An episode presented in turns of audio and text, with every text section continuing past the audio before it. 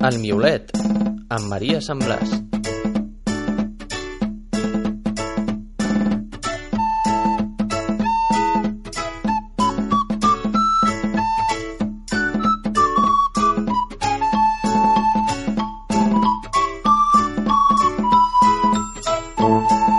Què tal? Molt bona tarda a tothom. Benvinguts una setmana més i per últim cop aquesta temporada al Miolet, el programa sobre animals de Mata de Pere Ràdio. A partir d'ara i fins les 9 passarem una estoneta amb tots vosaltres parlant dels nostres companys de món, els animals. I avui ho farem d'una manera molt especial, ja que es tracta del darrer programa d'aquesta temporada. La veritat és que ens ho hem passat molt bé, hem après molt i sobretot hem fet allò que des d'un principi volíem, donar als animals un espai i una veu a la ràdio. Hem tractat amb molt de rigor tot tipus de temàtiques relacionades amb els animals, sobretot centrant-nos en els domèstics, però sense deixar de banda a cap altre que necessiti ajuda ni cap tema interessant. Des del Miolet hem parlat amb associacions, experts, protectores i amants dels animals en general per fer possible un programa rigorós i compromès amb els nostres companys. També hem intentat denunciar tot tipus d'injustícies i buscar una llar per a aquells que la necessitin per mitjà de la difusió per les zones i per les xarxes socials. I avui ho farem per últim cop aquesta temporada, així que comencem aquest dimarts 16 de juny al Miolet, el vostre programa sobre animals, però abans anem a conèixer els temes dels que us parlarem avui escoltant el menú del dia.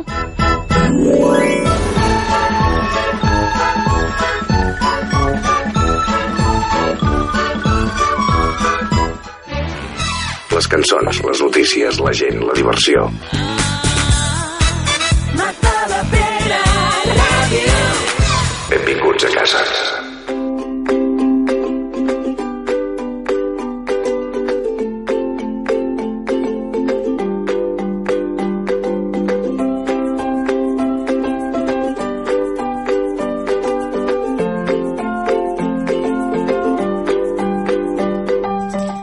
Començarem parlant sobre alguns consells molt útils per a tots aquells que vulgueu marxar de vacances i us vulgueu emportar el vostre animal amb vosaltres. I també us donarem alguns consells sobre què fer en cas d'emergència durant l'estiu.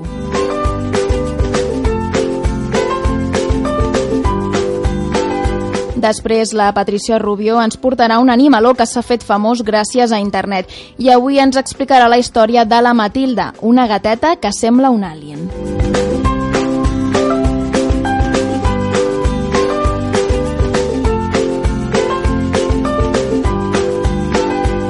Més tard farem un recull de premsa en el que comentarem les notícies més importants i interessants que han anat passant aquests darrers dies.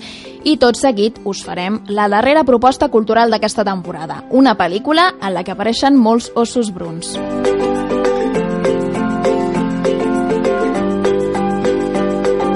Per acabar, coneixerem la situació d'uns ocells que de ben segur tots veiem pel carrer i més ara a l'estiu, la cotorra argentina. I coneixerem també alguns petits que necessiten ajuda o adopció a prop d'aquí a Matadepera i acabarem el programa amb música. Arribarem a les 9 de la nit escoltant una cançó sobre un conillet que no va tenir molta sort però que va rebre un bonic homenatge com a mínim després de la seva mort.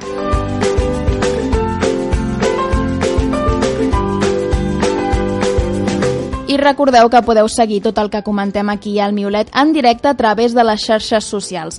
Podeu buscar-nos a facebook.com barra almiolet i a twitter.com barra almiolet. I allà podreu trobar tot el que parlem aquí en antena. I si voleu fer algun comentari, doncs els intentarem llegir en directe. I ara sí, comencem l'últim programa del Miolet de la temporada a Mata de Pere Ràdio. Són les 8 i 5 minuts. Mata de Pere Ràdio. 107.1 Benvinguts a casa.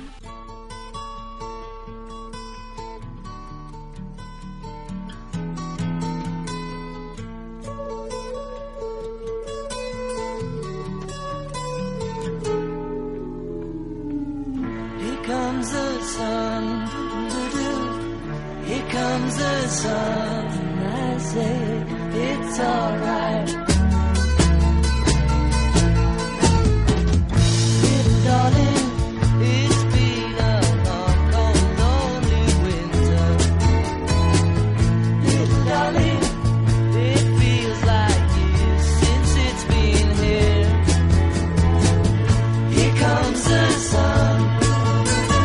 I com que avui és el darrer programa i en pocs dies comença l'estiu, hem pensat en donar-vos unes quantes idees sobre què heu de fer si voleu marxar de vacances, però no voleu que la vostra mascota es quedi a casa. Òbviament no la podríeu deixar sola, però bé, ja m'enteneu. En els darrers 10 anys, l'oferta turística per incloure les mascotes a les escapades de la rutina diària ha crescut moltíssim. Ja podeu veure càmpings, cases rurals, platges en la que poden entrar els gossos, viatges d'aventura... Bé, com hem dit, ja no hi ha excusa per deixar el nostre petitó sense vacances. Però què podem fer per incloure'ls als nostres plans d'estiu? En primer lloc, hem de tenir en compte que fora de casa el nostre company es troba en un entorn que no coneix i això pot fer que no tingui la mateixa actitud que té a casa. Per exemple, és possible que si el crides no vingui com sempre fa i això farà augmentar les possibilitats de que es perdi, pel que hem d'estar molt més atents. Però bé, per una altra banda, també cal que ens assegurem de que tots els permisos els té en ordre. Per exemple, el passaport veterinari per a mascotes.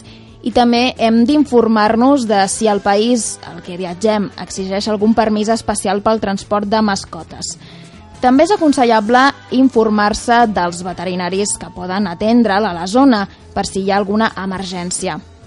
I és molt recomanable també que si viatgeu en avió i l'animal també ha de fer-ho, feu servir un servei especial de transport de mascotes, com per exemple Baggage Pets, amb qui vam parlar fa un temps en aquest programa. Bé, nosaltres ens dediquem al transport d'animals eh, en general i mascotes, gossos, gats, fures, per la gent que doncs, bé, es trasllada d'un país a l'altre, sigui per motius laborals, sigui per eh, motius estacionals i en tema el que sí, el nostre, el nostre target principal són els particulars, sobretot el moviment internacional. Després tenim una petita part de nacional que, que, anem, que estem desenvolupant però és més complicat perquè és un preu molt exclusiu eh, pels animals i no tota la gent amb un tema nacional està disposada a pagar certs, certs preus. En internacional és diferent.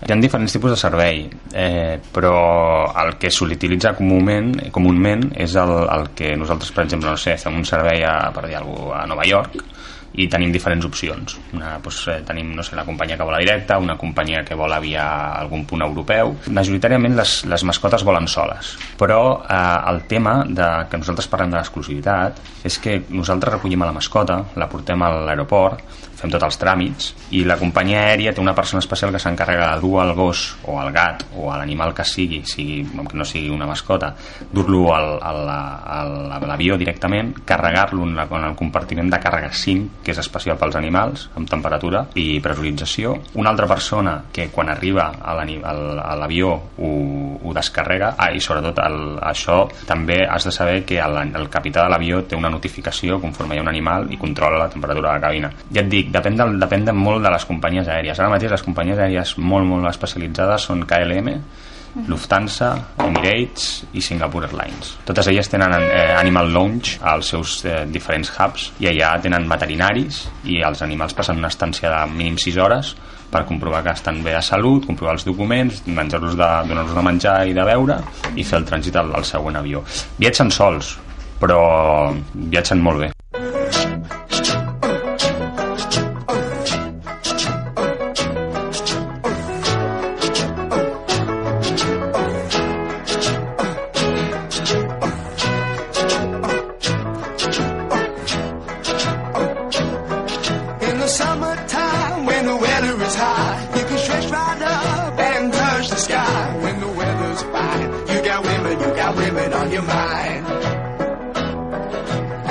Repassem ara també algunes altres precaucions que hauríem de prendre per preservar la salut de l'animal amb el Daniel Fernández. Bona tarda, Dani. Hola, bona tarda, Maria.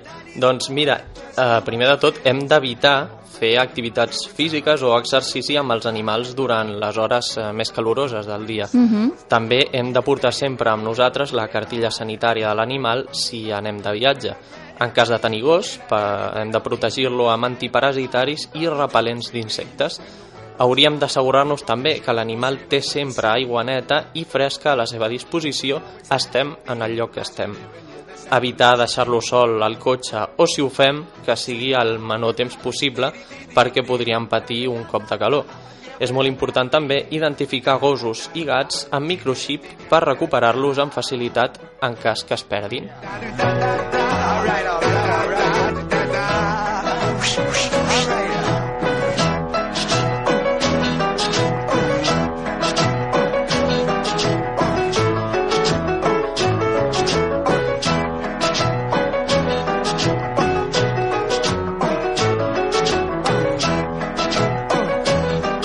I repassades aquestes qüestions tan importants a tenir en compte per tots aquells que voleu viatjar amb la vostra mascota, parlem ara d'algunes de les alternatives d'allotjament per a unes vacances amb el vostre amic. Si us agrada el turisme rural, hi ha una gran oferta d'allotjaments on admeten animals a Espanya a la guia per a viajar con animales de companyia, publicada per la Fundació Affinity. Allà trobareu informació de 3.700 llocs en els que es permet la presència de mascotes i les cases es troben en uns espais naturals perfectes per planejar rutes de senderisme amb el vostre gos, per exemple. Per una altra banda, la xarxa d'hotels espanyols on s'admeten animals també s'ha ampliat en els darrers anys i actualment hi ha més de 3.500 hotels a Espanya i a Andorra on s'admeten animals. Els càmpings normalment permeten la presència de mascotes sempre i quan estiguin controlats pels seus amos. Convé consultar quines són les condicions i normes que s'han de complir durant l'estància, però bé, a Espanya tenim un miler de càmpings on deixen que ens acompanyin els nostres petits. Podeu fer una cerca ràpidament a internet. La veritat és que les vacances a l'aire lliure són un molt bon incentiu per la vostra mascota. Permet jugar en família en espais naturals i grans i combinar passejos per la platja i per la muntanya. I per últim us proposem una altra opció, que és la casa amb rodes. Amb unes vacances en autocaravana no t'hauràs de preocupar de buscar allotjaments on permetin animals i la flexibilitat és absoluta, des de rutes poc transitades fins a visitar aquells llocs que desitjaves conèixer en família sense deixar cap membre enrere. Podeu alquilar una autocaravana en companyies com, per exemple, Rent a Car. I un consell, feu parades freqüents perquè la vostra mascota esti pugui estirar les potetes i beure una miqueta d'aigua. La veritat és que el destí és lo de menys. El més important és gaudir d'unes bones vacances per vosaltres i per la vostra mascota, que no hi ha res que el faci més feliç que estar amb els seus amos també de vacances.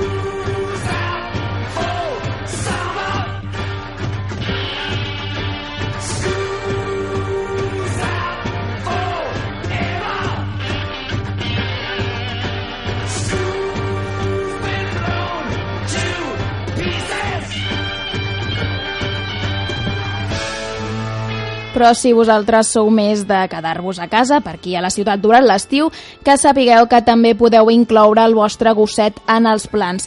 Afortunadament, cada vegada hi ha més establiments en els que els gossos són benvinguts, sempre i quan tinguin un bon comportament. Alguns d'aquests llocs els podem trobar a la web Senyor Perro, de la que us vam parlar en el primer programa, per cert. Es tracta d'una guia per a animals urbans que reuneix les millors adreces de bars, cafès, càmpings, hotels i fins i tot perruqueries on les mascotes poden entrar acompanyant els seus amos sense cap tipus de problema. Escoltem a la Micaela de la Maza, fundadora de la web Señor Perro. El denominador común es que, esa es que si tú entras ahí con el perro no te miren raro, o sea, bueno, al revés, que sean simpáticos, que a ser posible incluso te saquen agua para el perro. En algunos incluso tienen chuches para perros también. Es una selección tanto estética, o sea, que los sitios sean bonitos, como que sea realmente un sitio donde estás a gusto con el perro, porque la idea de todo es que la vida con perro en la ciudad sea más amena y fácil. Pensant, com deien, en fer la vida més fàcil, el tàndem gos-amo, la Micaela i el seu gos, en col·lega, volten per les ciutats buscant llocs aptes pels dos i també prepara plans i recorreguts que publica després a la seva pàgina web. La Micaela admet que encara queda molt a fer, però que ja hi ha molts establiments on admeten els gossos i que a més els ofereixen aigua quan els veuen entrar. La majoria de vegades, organitzar un pla d'oci amb el nostre gos consisteix en sortir a passejar al parc i poc més, però no tot ha de ser així. Gràcies a webs com senyorperro.com podrem conèixer llocs en els que el nostre amic caní pot entrar i així els incloem també als nostres plans.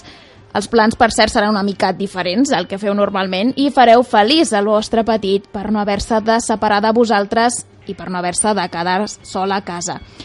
És una altra opció per aquest estiu i si us quedeu per la ciutat sabeu que existeix la possibilitat de visitar molts llocs amb els vostres companys canins.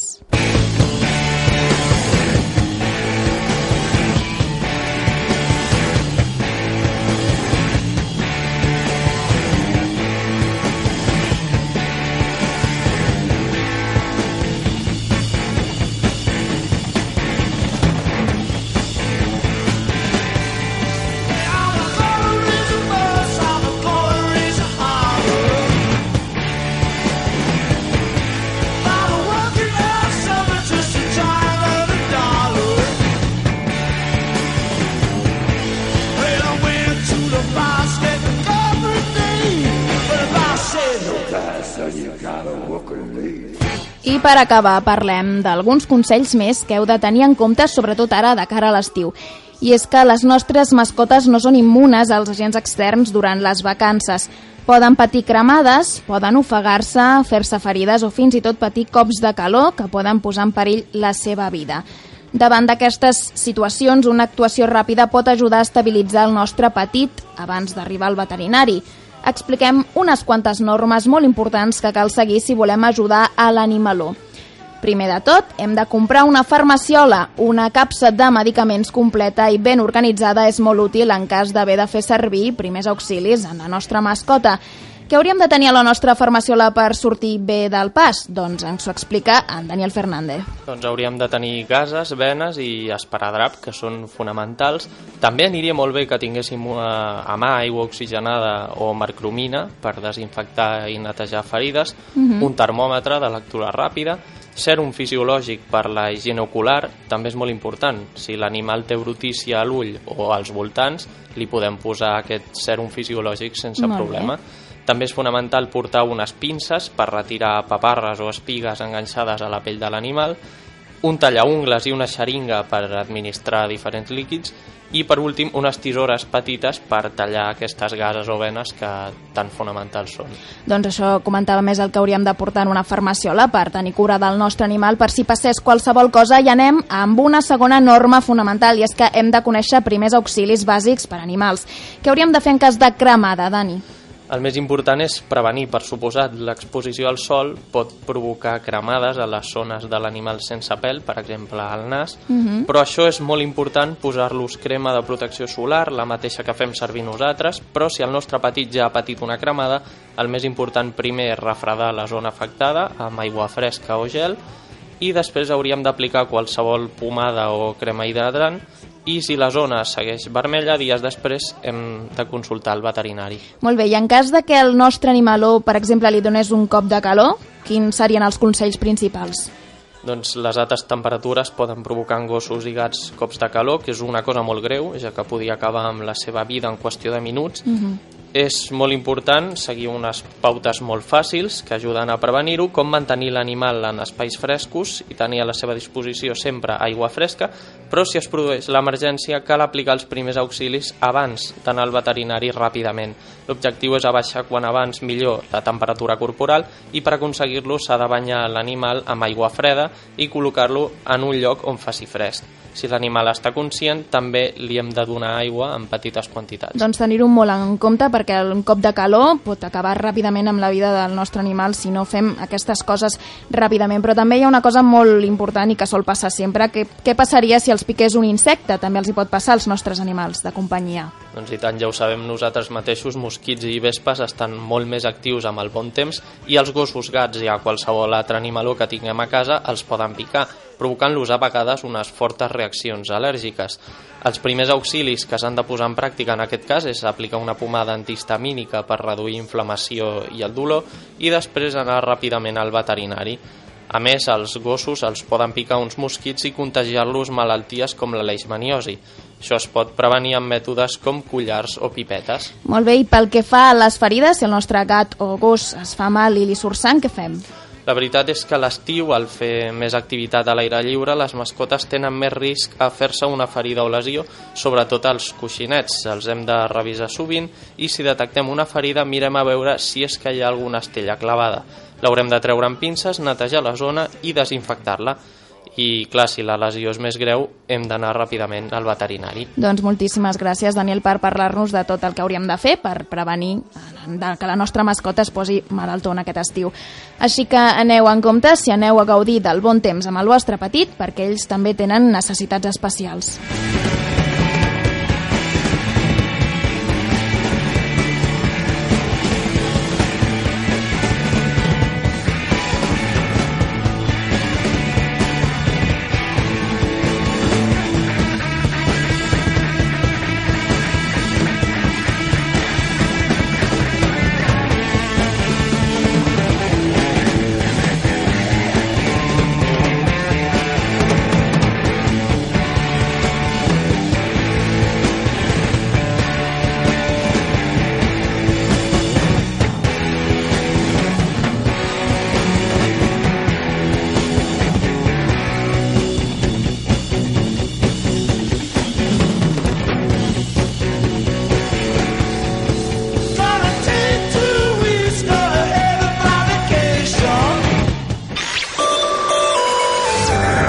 Aire fresc.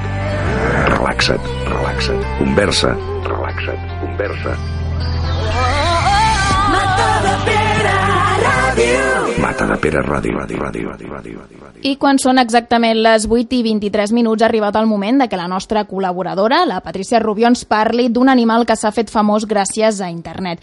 I avui ens explica la història de la Matilda, una gateta que ha provocat molt d'enrenou últimament a les xarxes socials degut al seu aspecte una mica misteriós. I és que a causa d'una malaltia que té als ulls, doncs sembla un alien. Però ara ens ho explica ella una miqueta millor. Molt bona tarda, Patricia. Molt bona tarda a tothom. Ens trobem amb l'última història peluda de la temporada i molt agraïda d'haver portat setmana rere setmana una història curiosa amb la qual treure-us un somriure.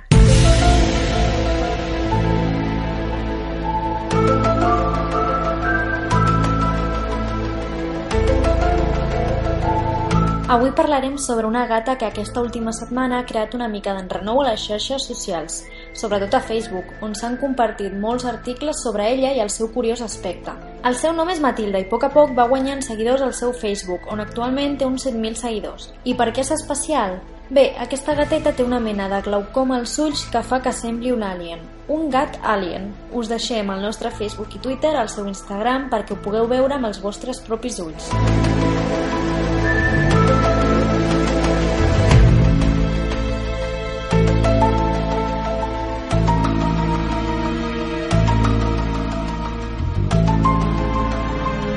La Matilda va néixer el dia de Sant Valentí de fa dos anys i quan els seus amos la van veure a la gossera va ser amor a primera vista. En aquell moment era una gateta normal, sense cap problema aparent. No va ser fins al seu primer aniversari que la malaltia es va començar a manifestar. Primerament, una de les seves pupil·les, sense raó aparent, creixia i tornava al cap d'uns minuts a la seva mida normal. No va ser, però, fins que varen visitar diversos veterinaris especialistes que van esbrinar, entre cometes, el que li passava. Diem entre cometes perquè realment el que li passa no se sap el que és, només que implica un creixement dels globus oculars i que degut a això la gata s'ha quedat cega. Però, més enllà d'això, la Matilda no té cap altre problema i pot fer vida normal. Ja sabeu que els gats tenen molt bon olfacte i oïda. Els amos de la Matilda van començar a recaptar via internet diners per a poder pagar els veterinaris i les diverses proves que van realitzar la gateta. La gent es va volcar de tal manera que ara han decidit crear una fundació per ajudar a tots els animals que puguin. Pròximament crearan també una línia de merchandising amb temàtica alienígena i molt gatuna, amb la qual recaptarà segur molts diners per a aquesta fundació.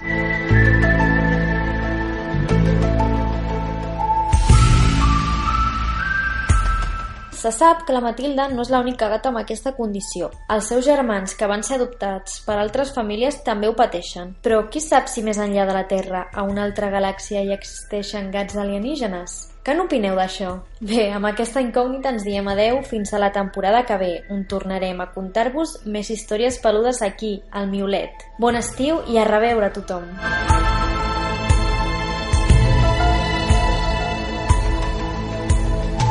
Doncs moltes gràcies, Patrícia, per tots els animalons que ens has portat aquesta temporada i molt bon estiu.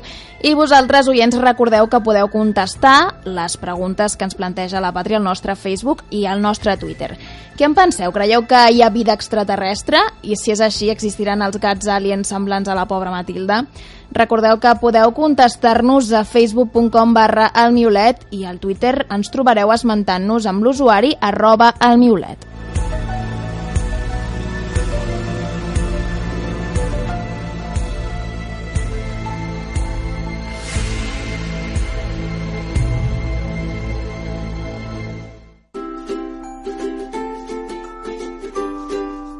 El Miolet, amb Maria Semblàs, a Matadepera Ràdio.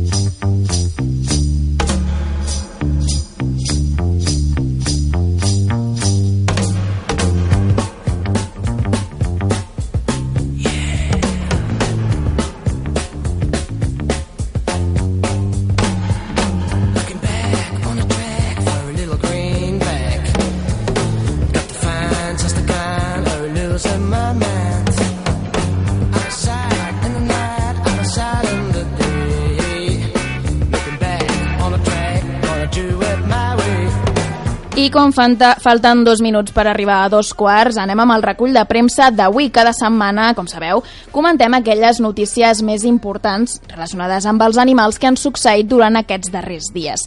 I comencem parlant d'una gravació que s'ha realitzat a la illa de Guadalupe, a Mèxic, i que ens mostra per primera vegada el tauró blanc més gran que mai s'hagi vist. Dit així impressiona una mica, no? Doncs imagineu-vos les cares dels qui el van trobar bussejant. Escoltem un fragment d'aquesta gravació.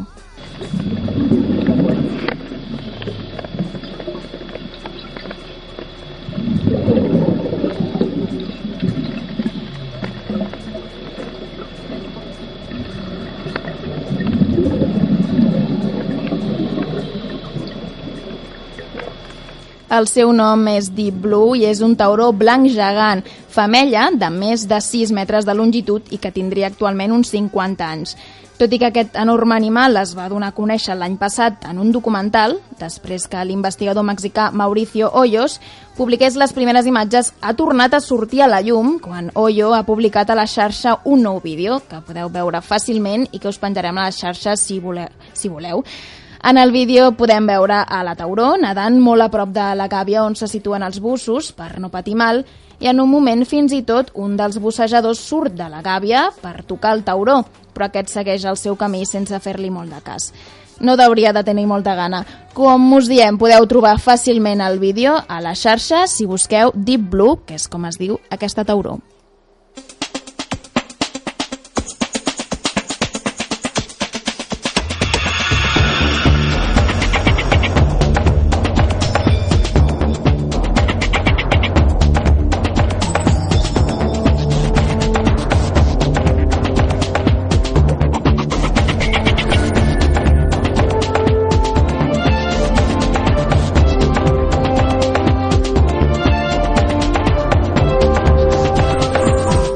Canviant completament de tònica, parlem ara de la campanya Stop Festejos Crueles de la ONG Igualtat Animal. Es tracta d'una campanya que sol·licita a la Unió Europea que no se subvencioni més la tauromàquia, a la que es destina mm, 130 milions d'euros l'any als impostos de tots els europeus. La campanya ja ha aconseguit més de 40.000 signatures. Igualtat Animal va presentar el passat 3 de juny una nova investigació sobre la crueltat de les festes taurines a Espanya, en la que es podien veure imatges mai vistes que mostraven la brutalitat i la violència dels encierros, les novillades i les becerrades. Durant diversos anys, alguns activistes de l'organització van recórrer diferents províncies com Madrid, Guadalajara o Valladolid per investigar el que realment estava passant en aquests esdeveniments taurins i mostrar-ho a la societat en general, donant a conèixer aquestes pràctiques cruels que suposen la mort de milers d'animals cada any. Els investigadors van ser testimonis de com colpejaven els animals, de com els apedregaven i els donaven puntades de peu i més coses horribles que provoquen que cada any morin aproximadament uns 10.000 toros durant les festes populars. I se celebren unes 1.868 festes taurines a tota Espanya, encara en aquest segle, encara avui. Escoltem ara un fragment del vídeo d'aquesta campanya. Cada año en España se celebran más de 16.000 festejos populares donde el maltrato animal es el principal reclamo. Pese a ser rechazados por una amplia mayoría social, estos festejos siguen celebrándose año tras año al amparo de una legislación que lo permite e incluso son subvencionados con dinero público.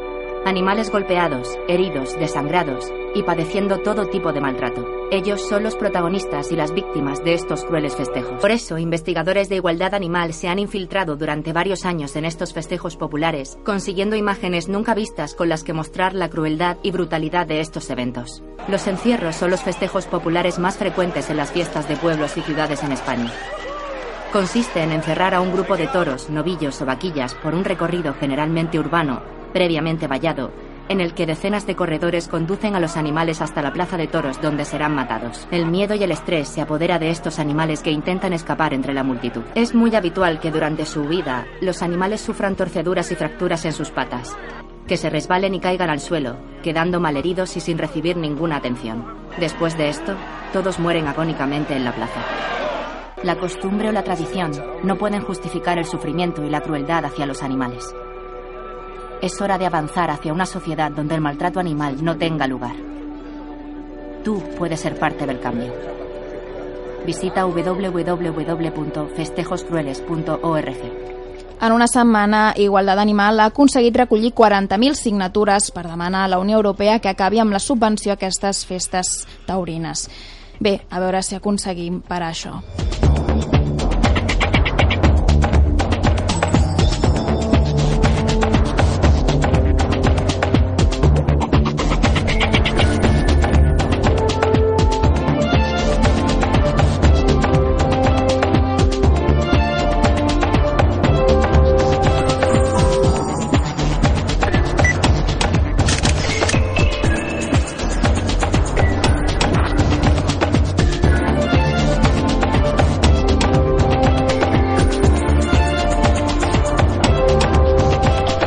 El passat diumenge una inundació molt greu va afectar la capital de Geòrgia, Tbilisi, i encara avui se segueixen buscant a més de 20 persones i a un nombre indeterminat d'animals que van escapar del zoològic de la ciutat després que aquest quedés absolutament devastat.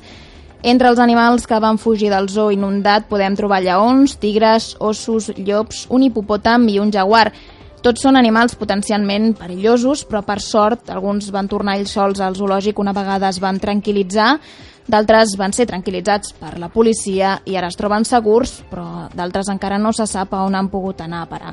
La portaveu del zoo de Tbilisi ha explicat a la premsa que tres lleons, tres tigres i dos jaguars van ser assassinats. No se sap si durant la inundació van morir o quan es trobaven per la ciutat, així que només queden per trobar cinc lleons, tres tigres i un jaguar, el que imaginem que ja deuen estar buscant. Però la terrible inundació no només ha afectat els animals més grans, els del zoo, per suposat també a persones, han sigut 12 els morts, però també hem de comptabilitzar víctimes d'una altra espècie que malauradament no va tenir ni la possibilitat de posar-se a cobert. Es tracta dels gossos de carrer. Van morir uns 60 gossets sense llar quan les aigües van inundar, inundar un refugi situat molt a prop d'aquest zoològic. Des del Miolet lamentem molt la pèrdua d'aquests animals tan bons i nobles i esperem que aquells que es troben en parador desconegut puguin tornar aviat a estar segurs, tot i que sigui en un zoològic. En Miolet, amb Maria Semblàs, a Matadepera Ràdio.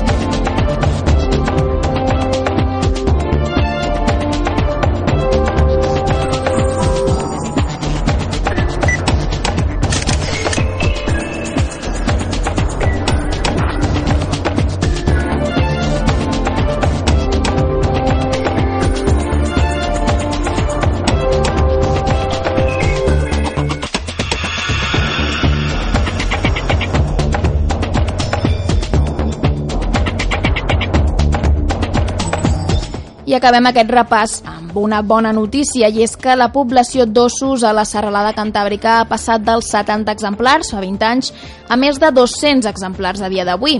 Com hem dit, una molt bona notícia per acabar, oi? La recuperació d'aquesta espècie és el resultat d'una col·laboració entre diverses entitats, institucions i persones implicades en aquest projecte, segons ha destacat el secretari d'Estat de Medi Ambient, Federico Ramos, durant la seva visita a les actuacions que realitzen Astúries i a León en el marc dels projectes posats en marxa per la conservació de l'espècie per la Fundació Oso Pardo. El Ministeri treballa per la conservació d'espècies amenaçades en el marc de les estratègies nacionals de conservació i un molt bon exemple són aquestes actuacions que es duen a terme per preservar la supervivència de l'os bru a Astúries i a León. En els darrers anys, el Ministeri ha cofinançat diversos projectes que tenen com a objectiu contribuir a l'elimina- l'eliminació de la mort dels ossos causades pels humans. Moltes vegades aquestes morts es donen perquè els ossos es mengen la collita dels agricultors, així que els projectes també han consistit en protegir les seves instal·lacions i crear i mantenir llocs de treball en el medi rural. Per una altra banda, també han consistit aquests projectes en contribuir al seguiment de la població cantàbrica dels ossos i impulsar la informació sobre l'espècie i les activitats d'educació ambiental i de formació en turisme de natura. Ara, gràcies a aquests projectes de protecció i de conservació de l'espècie, han aconseguit que els ossos estiguin segurs i, a més, es converteixin en un motor econòmic local i un dels elements de turisme més importants d'aquesta zona.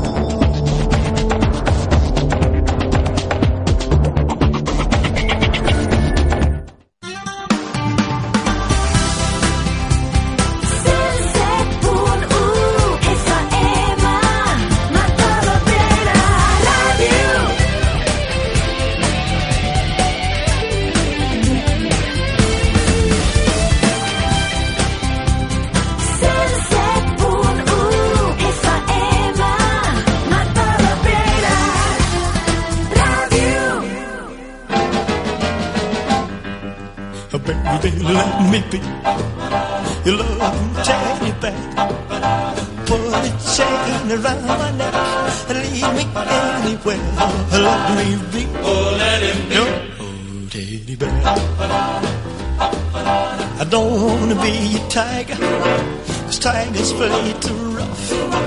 I don't wanna be a lion, 'cause lions ain't the kind you love enough. I just wanna be your teddy bear.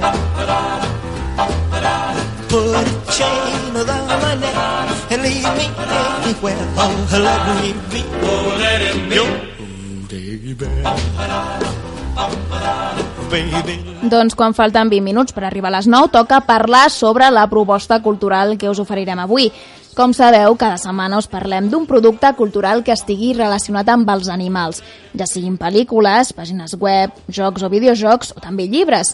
I avui, per finalitzar la temporada, us portarem una pel·lícula, i per què no es digui, doncs una pel·lícula espanyola. Però abans de tot, us vull fer una pregunta. Sabeu per què serveix un os? Bé, sembla una pregunta una miqueta estranya i difícil de respondre, oi? Doncs és la que ens planteja la pel·lícula Para què sirve un oso? Una comèdia espanyola, dirigida i escrita per Tom Fernández, que es va estrenar l'any 2011. Com us podreu imaginar pel seu títol, a més de l'humor i el romanticisme, la natura és un dels temes centrals de la pel·lícula. Escoltem ara el tràiler a veure si anem fent boca. Dejo la Antártida, la ciencia, abandono.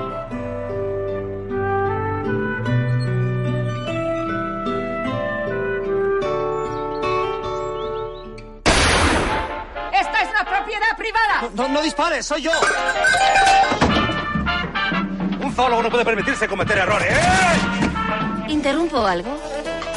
El señor de los osos. ¿Conoces a este hombre? ¿Eres policía? ¿Va a haber tiros? ¿Has oído eso? Eso no parece un oso. Es mi hermano. ¿Es que no piensas bajarme de aquí? ¿Y cuántos osos hay por aquí? Ninguno. Pues vaya mierda de zoólogo. ¿No eres de California? Invítame a cenar. Se empieza por una cena y se acaba teniendo cachorros de humanos. Hola. Hola. Podríamos compartir alimentos. Por los hombres sedentarios. No bebía una cerveza desde 1995. ¿Me oís, bestias peludas? No te he adiestrado para rendirte. No soy un Doberman. El mundo necesita científicos, no personas. Eso sí sobrevivís. A las inundaciones, a las epidemias y a las sequías. Hoy vino un biólogo a clase y dijo que íbamos a morir todos. Deja a mi hijo en paz. No van a volver, ni los osos ni los Beatles.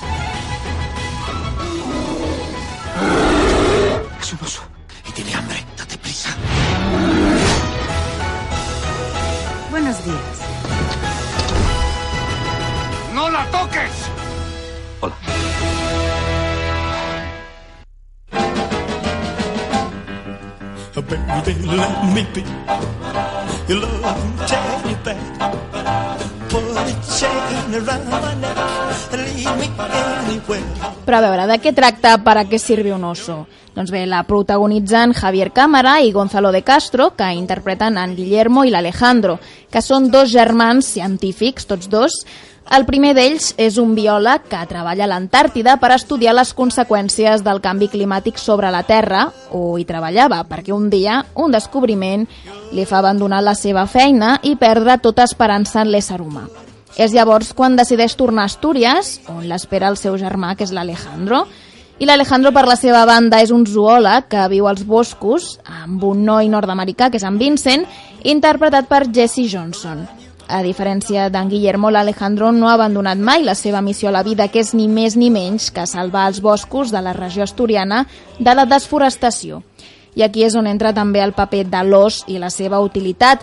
Per salvar els boscos, l'Alejandro i en Vincent necessiten que apareguin ossos a la zona, però els seus mètodes doncs, no resulten gaire efectius. Fan coses molt estranyes, com posar mel als arbres i atraure els pobres animalons amb mètodes poc efectius. Si voleu saber si aconsegueixen finalment que els ossos vagin a viure a aquesta regió, haureu de veure la pel·lícula «Para qué sirve un oso» i a més sabreu com aconsegueixen aquests dos germans conviure en una cabana al vell mig del bosc sense matar-se l'un a l'altre. Hem pensat que seria una pel·li molt interessant de veure, sobretot ara que hem escoltat fa poc, en el recull de premsa precisament, que la població d'ossos bruns ha augmentat molt considerablement a la zona d'Astúries i Cantàbria, així que segurament podreu fer-vos una idea de com es va aconseguir. Recordeu que la pel·lícula es diu ¿Para qué sirve un oso?, dirigida per Tom Fernández i protagonitzada per Gonzalo de Castro i Javier Cámara. Podeu trobar més informació al nostre Facebook i al Twitter, facebook.com barra almiulet i twitter.com barra almiulet.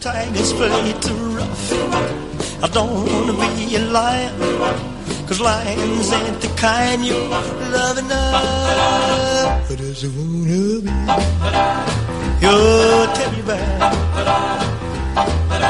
Put a chain around my neck and leave me anywhere. Oh, let me be. Oh, let him be. Your baby. Baby, let me be around you every night.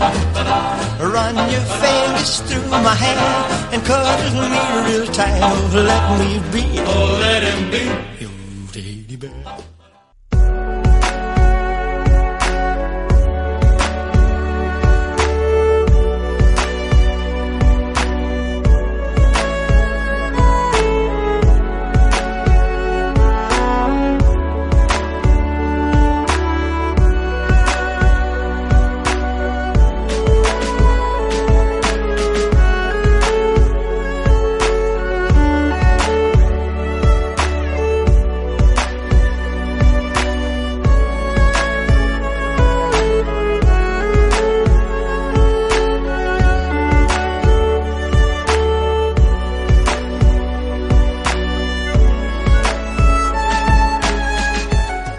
Ara un petit apunt. Us heu fixat en què últimament veieu molts lloros verds al carrer? Sempre estan per aquí allà a les ciutats més grans, sobretot, com Barcelona. Però segurament ara a l'estiu en veureu més perquè és la seva època de cria. Es tracta de les cotorres argentines, uns animalons d'uns 30 centímetres de llarg i uns 120 grams de pes. Les seves plomes són de color verd brillant, amb les ales també verdes, tirant cap a blau, i el cap i la panxa són grisos. Es diu cotorra argentina perquè originàriament ve d'allà, de l'Argentina, però han sigut portades a molts països, aquí a Espanya també, per les introduccions que fa l'ésser humà. Se'ls emporten del seu país d'origen i els porten aquí. Hem dit que actualment trobareu moltes al carrer, segurament, perquè és època de cria per a elles. Si per casualitat us trobeu alguna que estigui ferida o malalta, doncs, si plau no la deixeu al carrer. Igualment, si us trobeu un pollet, tampoc l'heu de deixar al carrer, emporteu-vos-ho a casa i si teniu qualsevol dubte, doncs us donem una opció. Podeu entrar a la pàgina de Facebook Grupo de Trabajo 2015 Cotorres Argentinas i allà se us explicarà tot el que heu de fer si us trobeu un pollet o una petita cotorra ferida. Recordeu, s'anomena Grupo de Trabajo 2015 Cotorres Argentinas, que és un grup que s'ha fundat a Facebook per la presidenta de PAEC, la Tere Rodríguez, amb qui vam parlar en un dels nostres programes. I'm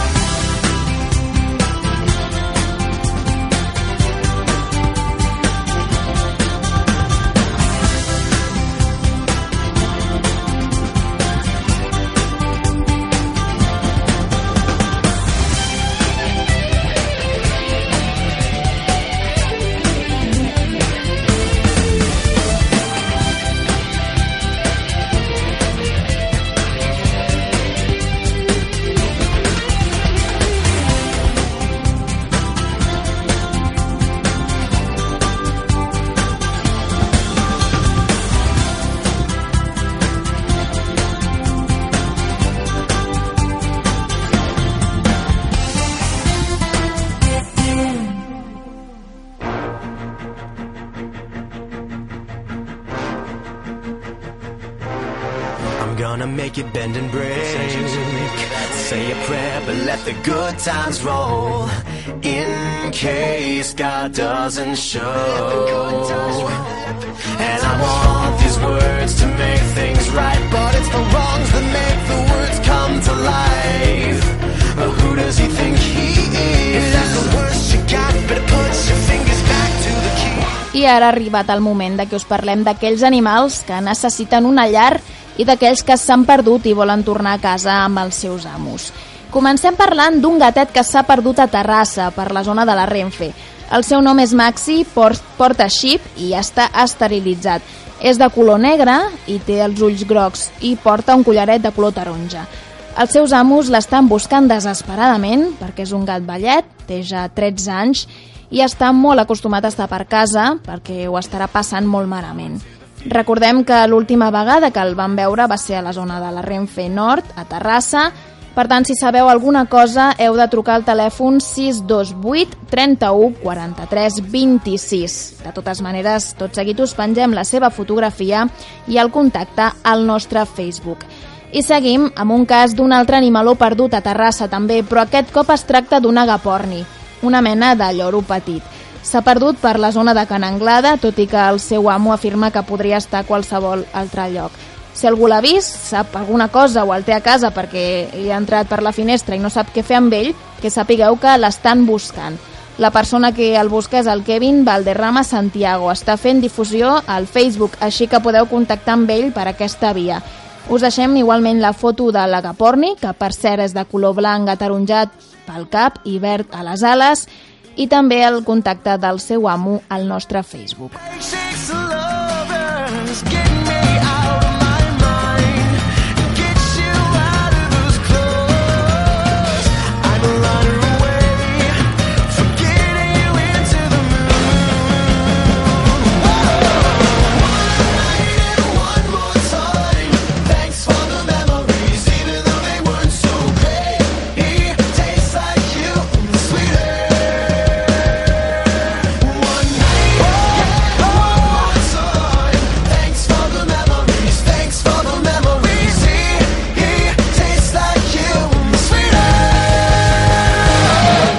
Seguim amb un cas una mica més complicat. Aquest cop es tracta d'una adopció. És el cas de la Cindy, una gosseta, una petita podenca, que està en adopció a Terrassa també. La pobra està una miqueta coixa i fa poc li han descobert un buf cardíac molt gran. La persona que la té actualment en acollida és la Toñi de l'associació Latidos Peludos i la va recollir pensant que trobaria ràpidament una família, però ara té por de que per necessitar cures especials i també medicació ningú vulgui adoptar la pobreta Cindy. Però segur que algú de vosaltres voldria, no? Doncs mirem de donar-li una bona vida el temps que li queda, que segur que ens ho agrairà moltíssim, la pobra Cindy. Si la voleu adoptar, us heu de posar en contacte amb la Toñi al telèfon 667 36 22 59. I, si plau, si no la voleu, doncs intenteu fer tota la difusió possible a veure si arriba algú que sí que la voldria tenir. I acabem amb el cas d'una gosseta que han trobat a la Riera de Terrassa, a les Fonts. És una cadalleta de color marró i blanc, no tindrà més de dos mesos, i la pobreta ja s'ha perdut. No se sap si és d'algú que l'ha abandonat o és que s'ha perdut, així que de moment difonem la seva fotografia al nostre Facebook per si la voleu veure i per si la reconeixeu doncs us podeu posar en contacte amb la persona que ha publicat aquesta fotografia.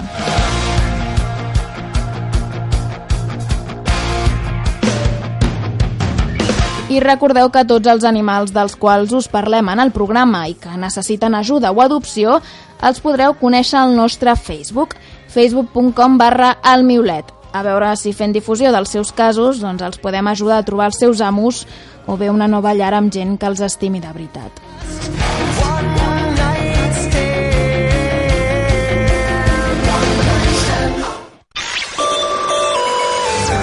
Agafa aire fresc. Relaxa't, relaxa't. Conversa, relaxa't, conversa. Mata de Pere Ràdio. Mata de Pere Ràdio, ràdio, ràdio, ràdio, ràdio, ràdio,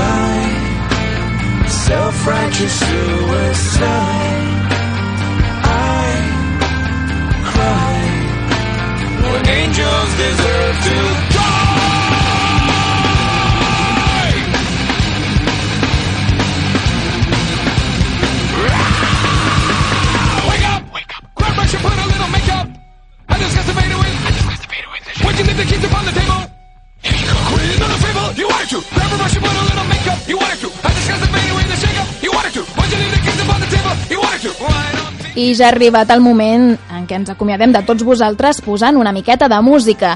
I avui ho fem a ritme de System of a Down, els que escoltem de fons, interpretant un dels seus majors èxits, que és Chop Suey. Aquest grup nord-americà de metal alternatiu, format per músics d'ascendència armènia, té cançons de tot tipus, molt crítiques amb la societat, molt absurdes i divertides i també molt tristes. Però també tenen una cançó dedicada a un animal, concretament a un conill, tot i que segurament no us agradarà el motiu pel qual li van dedicar. Resulta ser una cançó molt interessant i amb un transfons molt maco. La peça en concret es diu Kill Rock and Roll i tot i que molta gent creu que la cançó parla sobre les estrelles del rock i de com molts van morir a causa de les drogues, resulta que no parla en, en absolut d'això. El grup va fer un comunicat explicant la història real en la que està basada Kill Rock and Roll. El guitarrista de la banda, Daron Malakian, la va escriure una nit després d'atropellar accidentalment a un conill quan anava per la carretera. Va baixar del cotxe i al veure que el pobre conillet estava mort, el va recollir i el va bate batejar com rock and roll. En Daron es va sentir després tan fotut i tan malament per haver fet això que va començar a escriure sobre el conill i sobre que ell no es mereixia el que li havia passat. Hi ha un vers en concret que és el que ha fet que molta gent malinterpretés la cançó, que és Menja tota l'herba que vulguis. La cançó es refereix al conill un cop està al paradís on pot menjar tot el que vulgui i la gent pensava que es referien a les estrelles del rock quan consumien drogues. La veritat és que és un motiu una mica trist per escriure una cançó i jo personalment no sé què faria si em passés una cosa així, però bé, el System of a Down van voler fer un homenatge a aquell petit conill que va morir sense mereixer-ho amb la cançó Kill Rock and Roll. I amb aquesta acabarem el programa d'avui i tancarem aquesta temporada aquí a Mata de Pere Ràdio. Soc la Maria Sant Blas i espero que hagueu gaudit d'aquest últim programa del Miolet i de tota la temporada també. Espero que ens tornem a escoltar molt aviat, o si més no, aquí a partir del setembre. Us deixem amb Kill Rock and Roll de System of a Down i que passeu una molt bona nit.